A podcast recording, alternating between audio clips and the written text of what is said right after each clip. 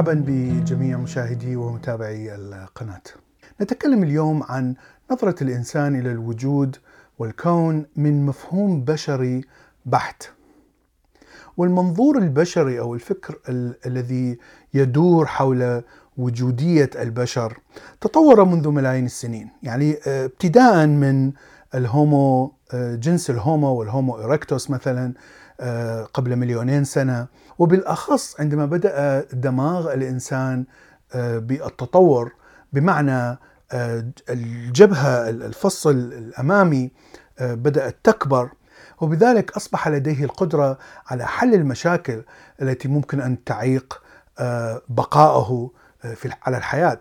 فكلما تطور الدماغ كلما استطاع الإنسان القديم أن يخترع حلول آه، ل- ل- للمشاكل مثل اختراع النار مثلا أو تطور اللغة مما جعله يسيطر أكثر على ال- الظروف وعلى ال- الطبيعة المحيطة.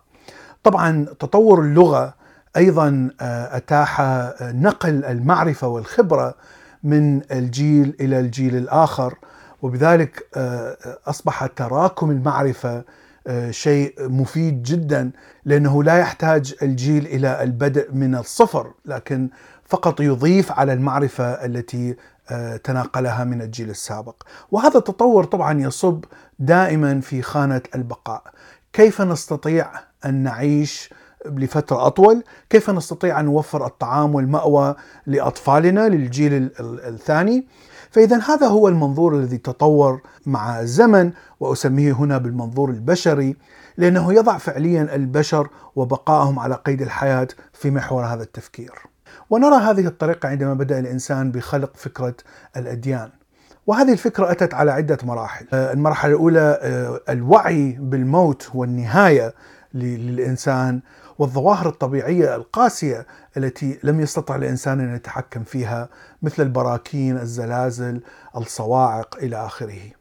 هذين الشيئين آه، خلق فكرة آه، الدين أو فكرة الآلهة التي تسيطر على كل شيء والتي تعتبر الفكرة المطلقة في آه، البقاء في غريزة البقاء لأن الإله له سيطرة تامة على كل الظواهر الطبيعية وهو يتحدى حتى فكرة الموت لأن الإله لا يموت.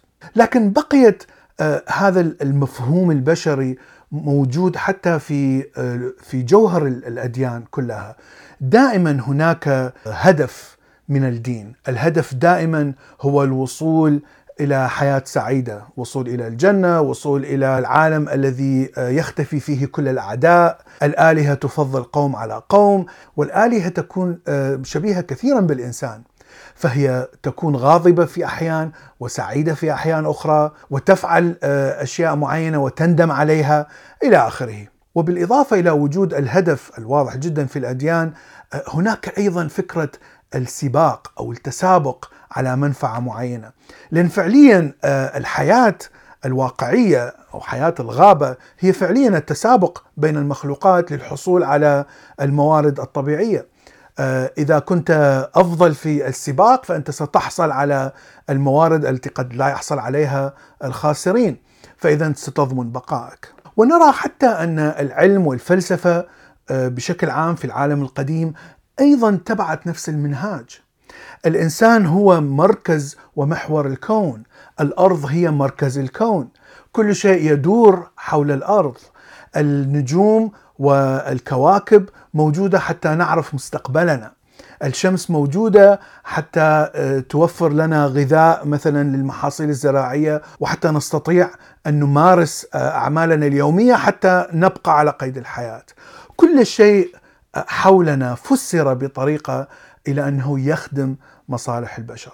وطبعا هذه فكرة واضحة جدا في في الأديان أن كل شيء خلق لأجل البشر، لأننا نحن النهاية الطبيعية لهذا الوجود، لولا وجود البشر اذا الوجود ليس له أي معنى. وحتى في القصص الإبراهيمية أن الإله خلق كل الكون فقط حتى يخلق هؤلاء البشر. وهنا نرى قمة آه، هذا التفكير وهذا المنظور البشري لأنه يرى نفسه سبب لوجود هذا الكون ويرى أن جميع المخلوقات خلقت آه، لتخديمه هو فقط. هناك رواية لمؤلف اسمه دانيال كوين بنيم إشماعيل أو إسماعيل وهي تتحدث بلسان غوريلا اسمه إسماعيل وهو كان يأخذ الفكرة من التوراة بأن إسماعيل آه، كان محتقر وقصته تروى بشكل آه، محتقر في التوراة لأنه كان ابن هاجر وهاجر كانت خادمة لسارة وحتى عندما أرادت سارة أن تطرد هاجر آه، من البيت لأنها كانت تغار منها إبراهيم على حسب قصة التوراة استجاب لسارة وطرد هاجر ومن هنا كان آه، المؤلف ينظر إلى الغوريلا وكأن الإنسان يحتقر آه، هذا الكائن الذي لديه شيء من الوعي لكن الإنسان يحتقره كحيوان خلق لخدمته. الرواية آه، تحكي قصة طريفة ويبدأ الغوريلا بسرد قصة الحياة وكيف أن الأرض آه، تكونت من المجموعة الشمسية في البداية ثم بدأت الحياة تتطور إلى أن تطورت ووصلت إلى الكائن آه، الذي يحكم كل شيء وهو الحبار. فهنا آه، يعني عندما تقرأ هذه الكلمة تبدأ بالضحك لأنك تعرف أن الإنسان عندما يروي هذه القصة دائما يقول أن الإنسان هو آه، أكثر تطورا آه، من الكائنات الحية فنحن أقصى ما وصلت إليه نظرية التطور. أيضا نحن نضع آه، الإنسان في المحور في المركز وكأن نظرية التطور حصلت حتى يتطور الإنسان. وهنا السخرية واضحة لأن القصة إذا كانت تحكى من خلال الحبار نفس القصة ممكن أن تتكرر على لسان جميع الحيوانات. أعتقد أن أول تفكير خارج عن هذا المفهوم البشري هو الرياضيات. طبعا الرياضيات ليست آه، شيء جديد آه، بدأت من بداية الحضارة السومريين البابليين انتقلت إلى المصريين ثم انتقلت إلى الإغريق. اذا التفكير المجرد للرياضيات لا يوجد فيه أي منظور بشري. الرياضيات تكون صحيحة بغض النظر إذا كان البشر عاشوا أم ماتوا. لكن في العصور الوسطى وفي عصر النهضة في أوروبا بدأت أول الأفكار التي تنتقد آه، الأفكار العلمية السائده في ذلك الوقت على أن الإنسان هو محور الكون. بدأت مثلا في كوبرنيكوس وغاليليو عندما آه، قالوا أن الأرض ليست هي مركز الكون وإنما الأرض تدور حول الشمس، الشمس هي مركز الكون، وهذه الأفكار بدأت تطرح بأسلوب علمي وبأسلوب مدعم بمعادلات رياضية وفسرت حركة الكواكب مثلا تفسير أفضل بكثير آه، من التفسير القديم وأن كل شيء يتحرك حول الأرض. ونفس الشيء حصل عندما نشر داروين نظرية التطور آه، وهي لم تكن فكرة جديدة في ذلك الوقت لكنه نشرها بكثير من الأدلة آه، التي أتت من من رحلاته. إذا هنا التطور لا يهتم إذا وجد الإنسان أو لم يوجد إذا آه، تطور الإنسان أم لم يتطور. التطور هي ميكانيكية عمياء تحدث في الطبيعة للكائنات الحية ولا يوجد لأي هدف أو مسبب أو خالق أو إله. وهنا كل الأشياء التي تصب في وجود الإنسان وترتكز حول آه، أهمية الإنسان آه، كلها آه، انتهت بسبب هذه النظرية. وطبعا التفكير المجرد المنفصل عن مفهوم البشري يكون صعب، يعني هذا تفكير ليس طبيعي.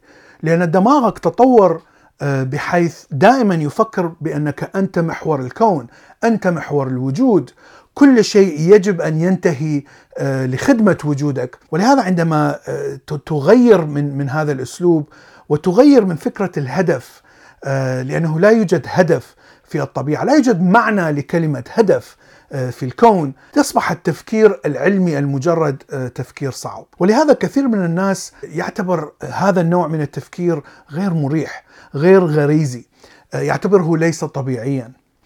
ونحن نراه بشكل واضح جدا في النظريات العلمية آه، والتي أثبتت بنجاح كبير آه، مثل النسبية مثل نظرية الكم والتي نرى يعني آثار نجاحها الآن في كل الأجهزة التي نستعملها اليوم. آه، مبادئ وأفكار هذه النظريات كلها غريبة جدا عن المفهوم البشري. ولا يمكن أن نتقبلها بمفهومنا اليومي آه، الذي الذي نراه في الطبيعة. ولهذا النظريات العلمية أو على الأخص العلوم الطبيعية يجب أن أن تزيل فكرة المفهوم البشري أو النظرة البشرية إلى الكون. لأن فعليا نرى أن مفهومنا للكون يكون أصح بكثير عندما نفكر به بشكل مجرد من وجود الإنسان كشيء مركزي. وهذا الشيء الصعب جدا عندما تحاول أن تفسر هذه النظريات للإنسان المتدين مثلا أو للإنسان الذي لم يتعود على التفكير العلمي. لأن الإنسان المتدين دائما يقول هناك هدف للحياة عندما تشرح لي نظرية معينة سواء كانت نسبية أو نظرية الكم أو أو نظرية التطور لا تعطي هدف نهائي مثلا.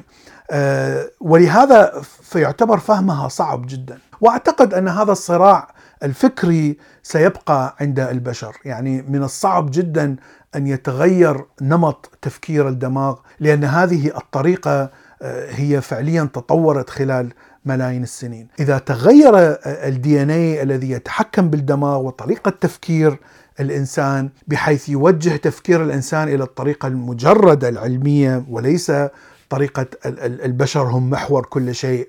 ربما في ذلك الوقت سيقتنع كل البشر بسهولة بالطريقة العلمية في التفكير وتفسير الكون. لكن بالطبع تطور وتغير الدي ان اي يحصل بأسلوب بطيء جدا جدا ويأخذ آلاف وحتى ملايين السنين.